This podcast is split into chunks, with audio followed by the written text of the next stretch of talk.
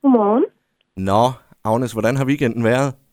Weekenden den har været fantastisk, for at sige det mildt. Jeg er så heldig, at jeg er gået videre til finalen i den vildeste danser sammen med mit hold 20. Det er da lige præcis det, du er. Prøv at høre her. Den første finalist, som går videre til næste uge, er... Det er... 20!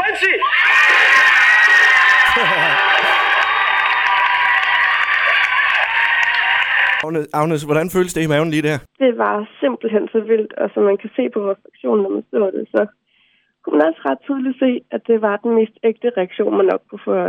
Ja, den kom helt indenfra, kan man sige. Den kom helt ned fra maven. Og det hører, I fik 65 procent af stemmerne hos publikum. Det er ja. Ja. vel ganske godt tilfredsstillende, er det ikke det? Jo, det er det i hvert fald. Vi var utrolig glade for de 65 procent. Ja.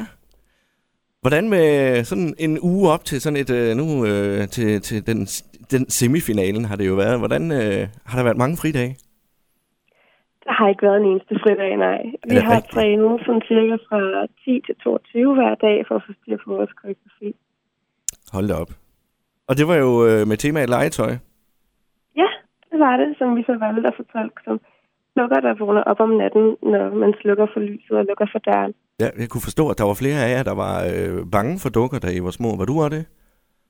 Jamen, jeg tror, det er lidt sådan en generel barndomsting, da man tænker, at man kan vide, om der er noget, der lever op, når jeg ligger og sover, om der er noget under sengen, der lige pludselig kravler frem.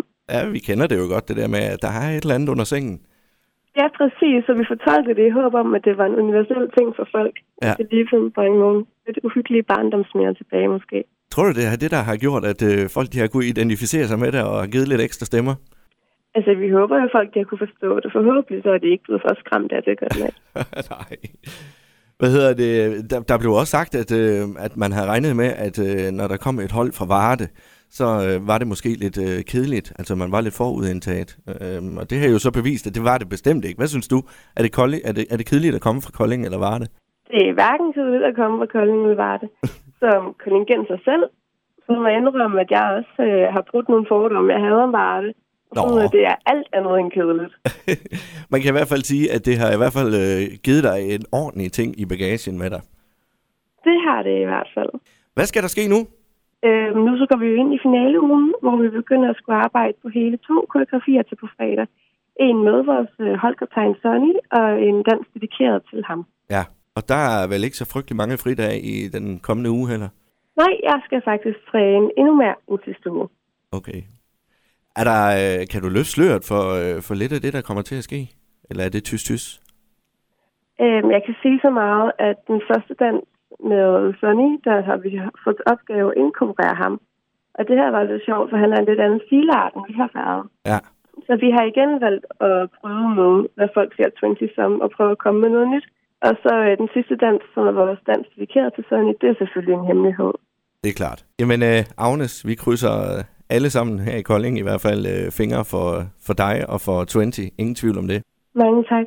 Og øh, lad nu være med at gøre det for galt, så I ikke er alt for trætte til, når I skal stå i finalen. jeg skal gøre mit bedste. Og det er godt.